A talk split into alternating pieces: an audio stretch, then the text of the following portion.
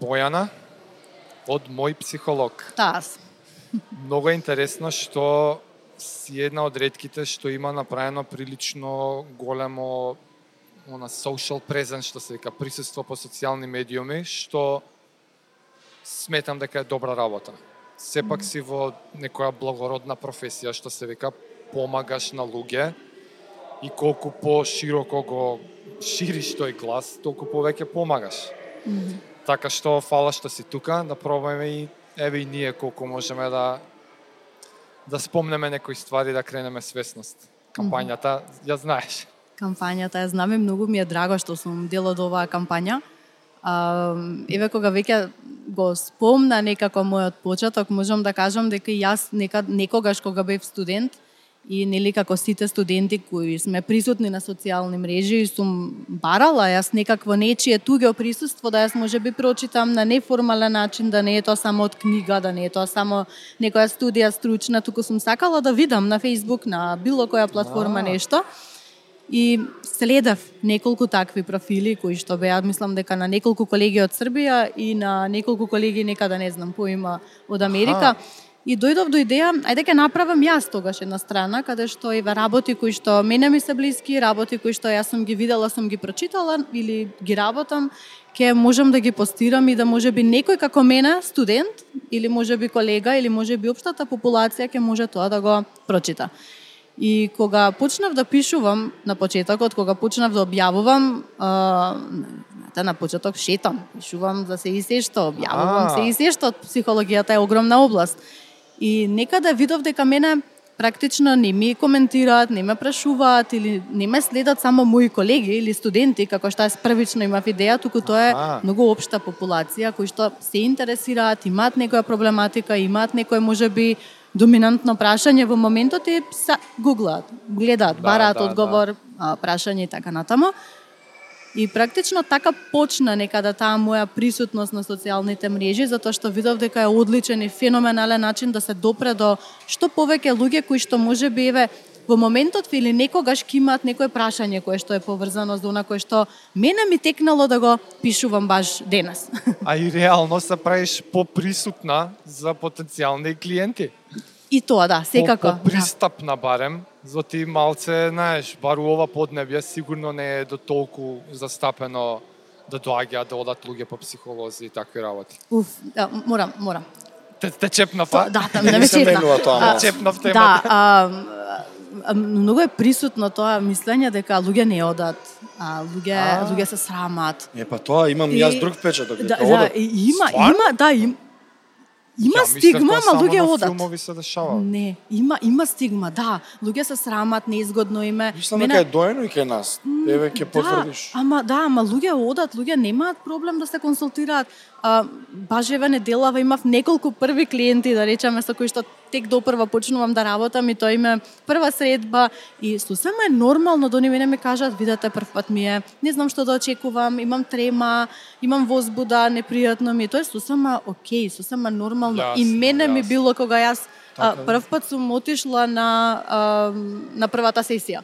Да. Ама од друга страна, тоа мислам дека секаде се случува, не е само кај нас, тоа чувство Аха. на на на на на можам да кажам на мала доза на анксиозност кога ние не знаеме што да очекуваме. Да речеме прв пат одам на контрола, еве имавте гостин кардиолог, прв пат одам на контрола на целокупна кардиолошка, не знам, кардиолошки Слика, пакет да, да. правам, да. Да, нема да знам што да очекувам. Да, И- да, управо си. Така да- на здрава анксиозност предпоставувам. а, мала доза на анксиозност во некои а, ситуации е многу здрава и многу очекувана и многу нормална и е многу спротивно до она кое што сега моментално се случува, тоа е анксиозност. Уј, ти имаш голем проблем.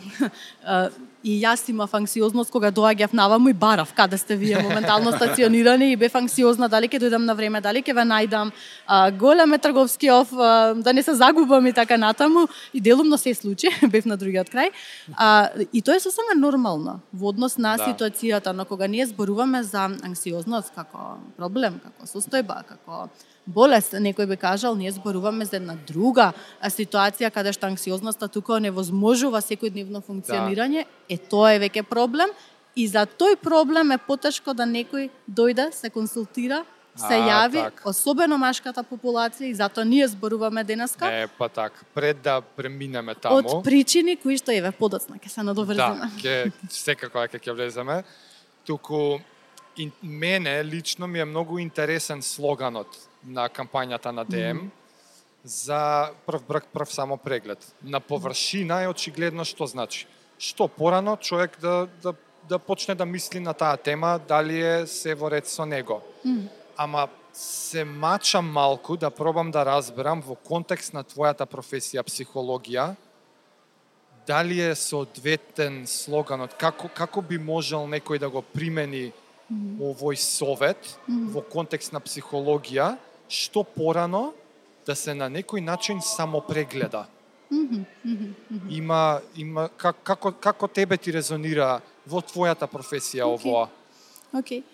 И ви од аспект на мојата професија, ми од аспект на некој кој што има машко дете, иако мало, еден Аха. ден тоа мало дете ќе порасна. И нели ќе треба кога ќе пушти прв брк да направи прв само преглед од било кои аспекти. Ајде вака, сите ние се раѓаме, растеме, се развиваме. И додека ние растеме и се развиваме се случуваат многу промени како на телесен план, така и на ментален план. Да речеме, еве, ако земеме едно дете, а, расте, па потоа ги совладува емоциите, учи за емоциите, учи како да ги изразува, како да ги комуницира, како да ги зборува, со кого може тоа да го искомуницира, на кој начин и така натаму. И еве да речеме може би првите а, првите а, амбуланти за само преглед, еве метафорички кажано, јас би кажала дека би биле па и нашите родители. Затоа што кога нас ни е тешко, кога нас ни е тешко, јас никогаш нема да заборавам еднаш за оцена кога си имам исплачено толку силно, затоа што толку многу учев, ама една толку добра тројка и силна добив и за таа тројка ја памтам цел живот. Јас никогаш нема да заборавам мене во некое таму пето, шесто деление, колку ми било мене тешко. Иако возрастен човек ќе каже дете, собери се, тројка, ќе научиш, ќе ја поправиш чудо. тежината за мене била голема. Исто како што и тежината, да речеме моментално за различни периоди од животот, ако ги земеме децата или тинеџерите, ќе биде многу поразлична од она која што за таа ситуација би била за нас. И јас тука би кажала, тука во голема улога влегуваат прва нашето семејство. Потоцна ќе се надоврзам и зашто во целата приказна тоа е исто така многу важно. И секако родителите, каде да што јас доаѓам и викам, мамо, мене ми е тешко, јас сум изнервирана, јас сум разочарана. И тука е родителот, тука се возрастните кои што нас не само не учат како да ние се само прегледаме и ќе почне аха, а зашто тебе ти е тешко? Аха, а, а зашто доби тројка? Што се случи? Аба ме фати трема, зашто те фати трема кога тебе обично не те фаќа или обично знаеш, сигурна си во во не знам, во тоа што си го научила. Па мамо не знам што се случи, јас имав притисок дека морам да добијам. Аха, а од каде таа идеја дека ти мораш да добиеш? И сега знаете, тука е една многу интересна улога каде што родителите некаде се во преот малку родител, малку психолог, ама до А. некаде и тој разговор некаде е можеби полуструктуриран, а, го учат самото дете да почне да се детектира, да се само прегледува.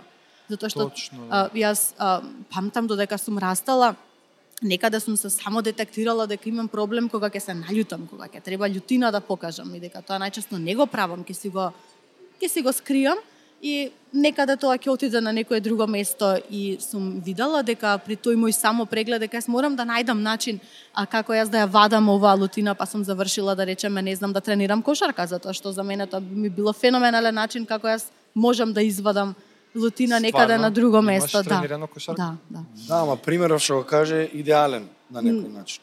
Тој е многу свесен родител. Да. Зошто, зошто, зошто, зошто. Што се случува па Со она друга страна. на другиот спектрум? А, Кај несвесни родители, можеби семејства што не се толку, па ќе кажам, свесни за тие ситуации, можеби татко алкохоличар, неприсутни родители, има мајка, нема татко и така натаму. многу Затворени многу добро, деца. Да, многу добро. Мислам дека тоа ме прашуваше за тој Да. односно ги генерализираме ние за жал Македонија, ама мислам дека повеќето се тој тип на семејство. Семено нас се Позатворени. така- Да.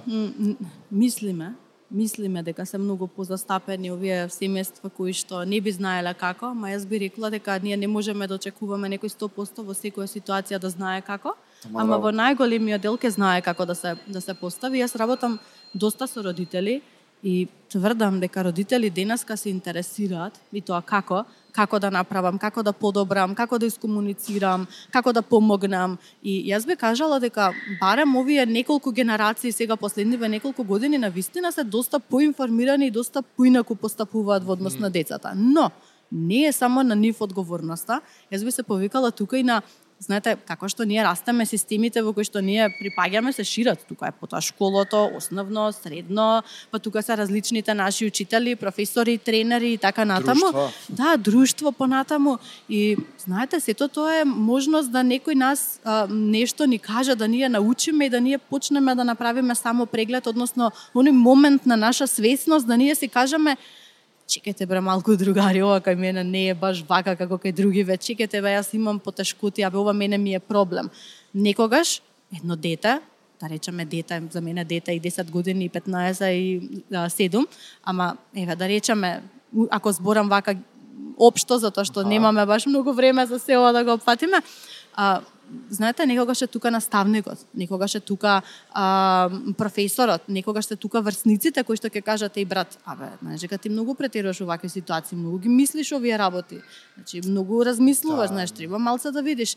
И сега тука го, а, кога збориме веќе нели за стигма до некаде околу ментално здравје, а, јас би не можам да не ја спомнам таа стигма околу а, околу школските, училишните психолози затоа што тука е таа нивна одговорност и нивна улога во овие моменти каде што они ги гледаат а, а, децата, они комуницираат со наставниците. И во идеален случај психолог училишен би требало да, да дојде во едно одделение, да закаже можеби состанок работен со колегата и да каже каква е оваа училна, што се случува во оваа училна, има ли можеби некое дете за кое што ти сметаш дека можеби на ризик во некоја ситуација, има ли булинг, нема ли булинг, има ли можеби дете кој што има повеќе трема, не зборува, не крева рака прво да каже. И, и подоцна од тука некаде да се тргне. Тоа би било идеална Кај ситуација. нас психолозите у школите се као бабароги. Тоа ќе каже Фионичка психологот, Никад не сум си знаел направил белја. што прават уопште у школа. Еднаш у животот психологот ни влезе, имавме конфликт, што е. И толку. А, као предавање. Као предавање. И научив тогаш што е конфликт и толку. Од твое искуство Ама мислиш научи. дека Ама да, ама корисно сакам да ама кај нас се дава као као казна. Психолозите имам чувство дека Леле. немаат улога во школските психолози. Нели има директор, психолог, како и да се. Не, А, психијатар, не. Во мое Мој време, Педагог, Педагог. Во педагог, психолог, директор. И тие беа као бабарогите ако идеш кај нив толку. Си работа. Знаеш, ова е многу една за мене тешка тема. Од оваа од перспектива па се од добрите. ова, од оваа причина, од оваа причина сум одбрала да не одам во насока на училишна психологија, на педагошка психологија. А, памтам кога кога дошло време пракса да бараме кога сум одела по училишта, мене ми викале еве овде оди тропни, јас кога ќе тропна мене ми викаат ова јас сум педагог во суштина, ама работам како психолог. Не, не е исто. Тоа се две различни професии, не може да си стоматолог и кардиолог во исто време иако сте вие доктори.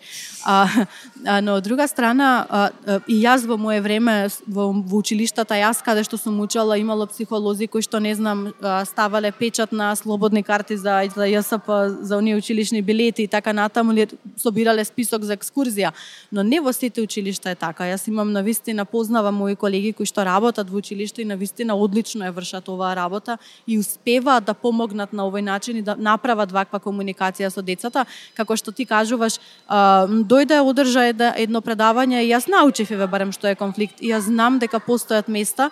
Сега не би било окей да јас да ги набројувам, Не. а, да, а, но од друга страна а, постојат каде што знам и, и за среќа се во голем број овие места каде што се Браво. работи со децата и јас затоа верувам дека овие деца еден ден возрастни, млади, а, без разлика дали се мажи, жени или веќе ги земеме во фокус мажите дека еден ден ќе знаат како да постапат во вакви ситуации затоа што имале можности, научиле што е она кое што треба да го направат за да го за да се само прегледаат. А мислам дека и мажите се по проблематични во овој поглед. Што од тие тинеџерски луди години, што од оние моменти на дали ќе признае дека има проблем, дали ми се смеат и од тој аспект жените мислам дека повеќе разговараат за проблемите, мажите повеќе ги кјутат проблеми. А, да, и тоа е многу интересно. А, баш и во еден текст кој што го пишував во однос на кампањата, а, зборувам за еден тој момент, имав еден настан пред неколку недели и од стои нешто луѓе, а, сите беа жени, беа присутни во најмала рака, петорица максимум, ако дадам со еден од организаторите, беа мажи. И на крај на настан имаше можност да се постави прашање и а, една жена, памтам во први редови, крива рака и вика, извинете, вика, јас вика, надвора цела тема, морам едно друго ништо, вика, да прашам што ме јаде. Вика, ова е многу битна тема, зборувавме за траума. Вика, А тука вика, сите се жени, каде се мажите? Каде се мажите? Вика, на оваа толку важна тема, да они дојдат да слушнат, да видат, да прашаат, а знам дека имаат, вика, многу работи да, а, да прашаат. И јас викам да, многу добро прашање, каде се мажите? И ќе го оставам реторичко, затоа што е многу големо прашање, каде се мажите на ваквите настани. И јас имам искуство со работа на настани, на истите настани, да, жените биле оние кои што секогаш биле присутни. Ако направам некоја споредба, 80-90% биле жени, 20 или 10% зависи од темата биле мажи. А, од друга страна, кога работам со клиенти, исто така, повеќе се присутни жените, помалку некаде се присутни мажите. И сега ние можеме да кажеме да препишеме дека тоа е така заради нешто, ама не е толку едноставно. Јас ако кажам еве дека одиме прво од едно поднебје, каде што некаде мажите имаат забрана да плачат, забрана да се пожалат, забрана да кажат дека им е тешко затоа што нели менап, маж си, кјути си, како тоа, како ќе те доживува тебе. Јас дури неодамна имавме на ситуација со син ми, влегуваме на кај дома и секако две и пол години плаче, сака да остане уште надвор. И една, една комшивка, веројатно од зградата, мене ми вика, на него му се обреќа, ау, срамота, како вака машко дете волку да плаче? Срамота! Ау! Па не ми текнува, да, некоја етикета, некоја етикета, мислам дека како вака машко дете да се лигави или и јас секако не сакам да влегувам во конфликт, не ми беше денот. А, но од друга страна, сепак е тоа една повозрастна генерација за која што верувам дека дала генерации на мажи, генерации, генерации кои што кога ќе им биде тешко, не, не, не плачат затоа што нели машко не плаче, машко не се лигави условно кажано, машко треба да издржи, на машки да издржи, па дури кога мажи ќе видат ќе бидат во партнерски релации, нели како тоа јас пред девојка ми да покажам, како тоа јас пред жена ми да покажам, јас сум оној кој што треба сега да води, да е силен, а од друга страна сосема е човечно да нас никогаш не заболи, да плачеме кога не боли, да да едноставно не ни е окей денот, месецот, годината, а од друга страна па и менталните заболувања а, не бираат пол, за жал. Кога сме кај нив, сепак и обштествена свесност малку да кренеме во твојата професија и пракса работна, кои се најчестите проблеми со кои што клиенти, пациенти, машки доаѓаат кај тебе? Mm -hmm.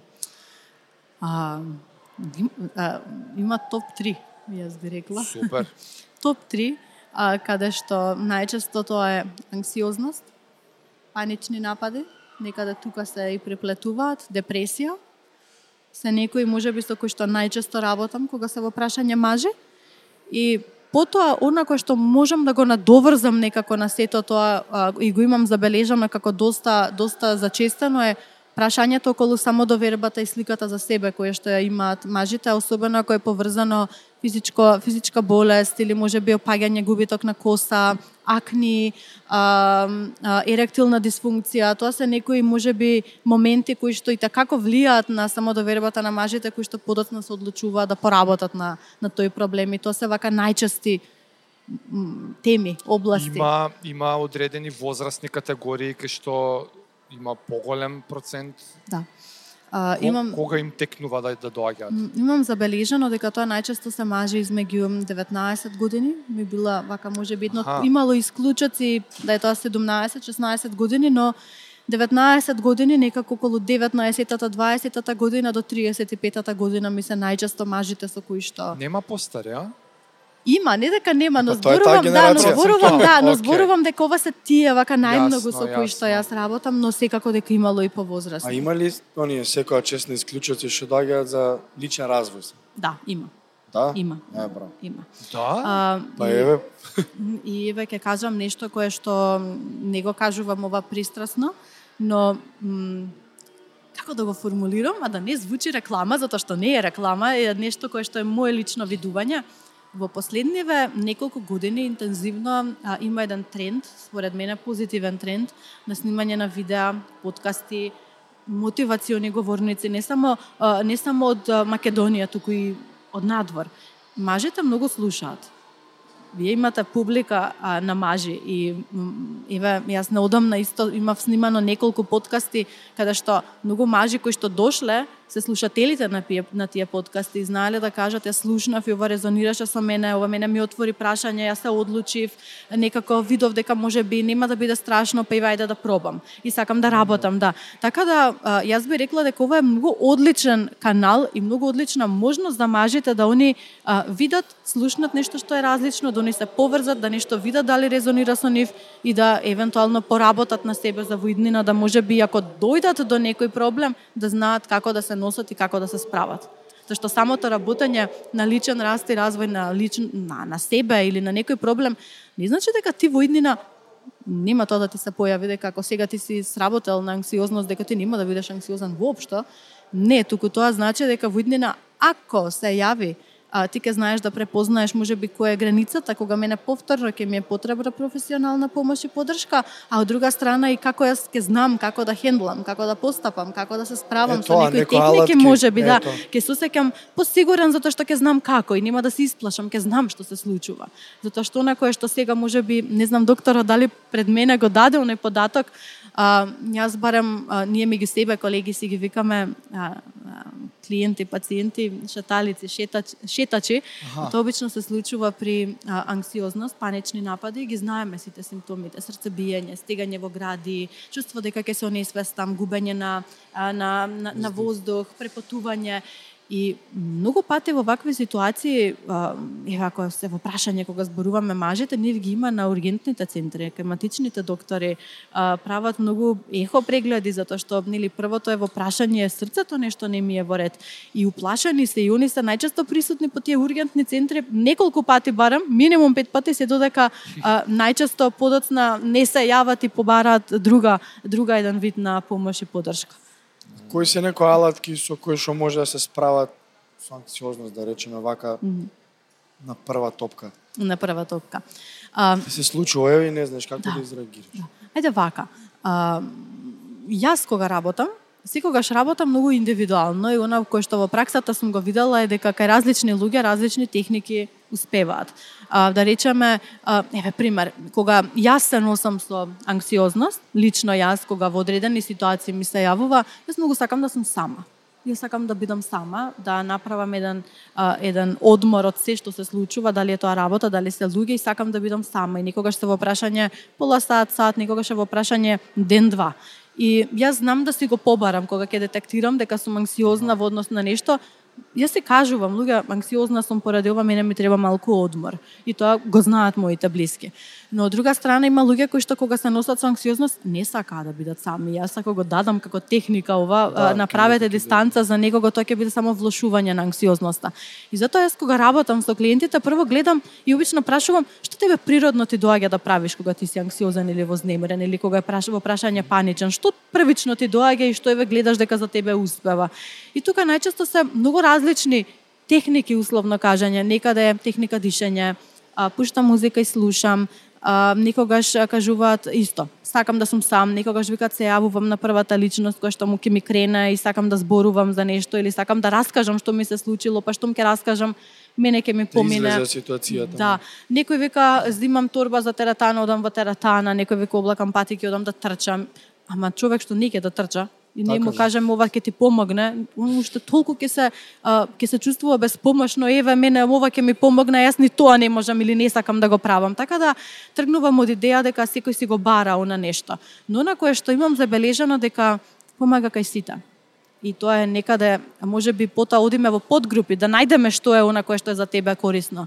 А тоа е воздух Дишење. Воздух и природа. Значи воздух и природа, да не бидеш дома, да бидеш некаде надвор. И јас многу пати кога работам со клиентите давам насока еве еве ви го водно, еве го парк. А, одете некаде позади зграда, може би има некој мал парк, прошетајте, седате во природа, одете некаде надвор од градот, одете на воздух, барем еднаш неделно доколку се има можност. А, а многу пати а, како а, како тука се надоврзува и физичка активност, ама и не мора да биде и може би едни од носечките први столбови нели при грижата на себе нашето физичко здравје. И тоа не секогаш мора да биде некоја физичка активност, да речеме, одење во тератана, они одма тоа си го врзуваат. Не мора. Може да биде Пишачење. било што, може да биде пливање. Пливањето е одлично и најчесто многу ефективно. И Тука е убаво, да. Тоа е тука е јогата, тука е медитацијата, а тука е пешачењето, нешто кое што ние ќе го најдеме што нас ни одговара, но идејата дека сум надвор некаде во контакт со природа, со воздух, со сонце е нешто кое што е многу лечебно. Добар сон. Нешто кое што Број еден. го занемаруваме. Јас лично знам да се пофалам во многу ситуации. Уф, не спиев, толку многу ми беше интересен филмов или маратонски, гледам некоја серија периодов, а не сум спиена со денови. А, и тоа е нешто кое што окей е да се јави од време на време, ама ако се јавува многу често поради многу причини, тогаш е многу голем проблем. Да. Сите знаеме какви сме еден ден на наспани, а камоли па кога тоа ќе биде а, подолг период. Не питај. А, Пет минути да скратам. И затоа секој пат кога работам исто прашувам како е сонот. Знаете, како вие се одмарате, како вие се релаксирате, како му давате одмор на телото и тоа е нешто кое што исто така е една многу добра и превентивна а, техника. И секако поврзување со други луѓе. Начинот на кој што ја се поврзувам, луѓето со кои што ја се поврзувам. Од една страна, ние не сме родени да бидеме сами, родени сме да некаде припаѓаме, да ние комуницираме со други луѓе. Тоа е една работа, а друга работа е што другите луѓе се секогаш наше огледало. Сите ние сме биле во ситуација и еве оние и, и ние тука и оние кои што нас не слушаат, а, сме биле во ситуација да нешто ни се случува, да ние може би не знам, не го гледаме тоа таа перспектива и некој ни каже, еј, абе ти овој период нешто многу се чуден, еј. Бе те стопатите викаме не идеш нигде, бе што е работава, као пари се во прашање, не ти си иде, не те пуштаат, мислам што е работа или абе многу си нервозен, што е ова нетрпеливост. И некогаш другите луѓе ни даваат многу убава можност огледало да ние видиме каде сме, каде што ние можеби не се гледаме себе си во таа ситуација или можеби си викаме е, анксиозноста не е ова многу лоша, не е толку алармантно и замислете нас можеби во последен период тројца другари ни викаат абе не идеш на кафе, не искачаш со нас у кафану, теретаната неам видено, ве шо правиш? И ти се фаќаш себе си, леле, стварно, јас работа дома сум цело време, не правам ништо, со луѓе не се гледам. Ова стварно може би веќе е некоја граница каде што јас треба да размислам дека нешто треба да превземам. Ние ќе си да. ја викнеме Бојана пак на подкаст. Да, нели многу збор? свиѓа- Не, темиве се преубави и ми се навлага многу подлабоко, за жал немаме толку време. Пред да затвориме, ако има една работа за која што би сакала да кренеш свесност, сепак тоа е темата на кампањата, која би била? Колку се тешко. обраќаш сега на македонската публика, машка, Многу. зашто би сакала да им кренеш свесност, нешто да им приочиш нешто што може би се крие, а е очигледно, било што некој пример. Уф, од една страна многу тешко прашање, од една страна за момент се доживеав како знаете ние гуру, а одат мудреците да ги прашаат за нешто и ултимативен одговор ќе дадат. Нема такво нешто, јас би кажала а, инвестирајте во себе, бидете свесни за себе, учете од различни канали, различни можности, тука ви се книгите, дали печатени, дали онлайн, тука ви се подкастите, тука ви се различните видеа, слушајте, слушајте иску, од искуствата на другите луѓе, не знаете кога некој нечие искуство може на вас да ви помогне и еве ако првично а, е толку многу страшно и анксиозно да се побара професионална помош, јас би дала еве на насока поразговарајте со првата блиска личност која што со која што вие ќе се чувствувате дека можете да споделите. Седнете го и кажете, слушај, овој период овој ова ми се случува. Што мислиш ти во однос на ова? И извадете во тоа на некој начин, затоа што и тоа е многу важно, а од друга страна секој пат можете да се јавите, да пишете, да да искомуницирате со некоја стручно лице, еве да е, ако зборуваме во однос на мојата професија со некој психолог и да вие а, прашате и видите а, дали јас можам ова, како можам, на кој начин ова Да, можам да го да, работам да. и така натаму.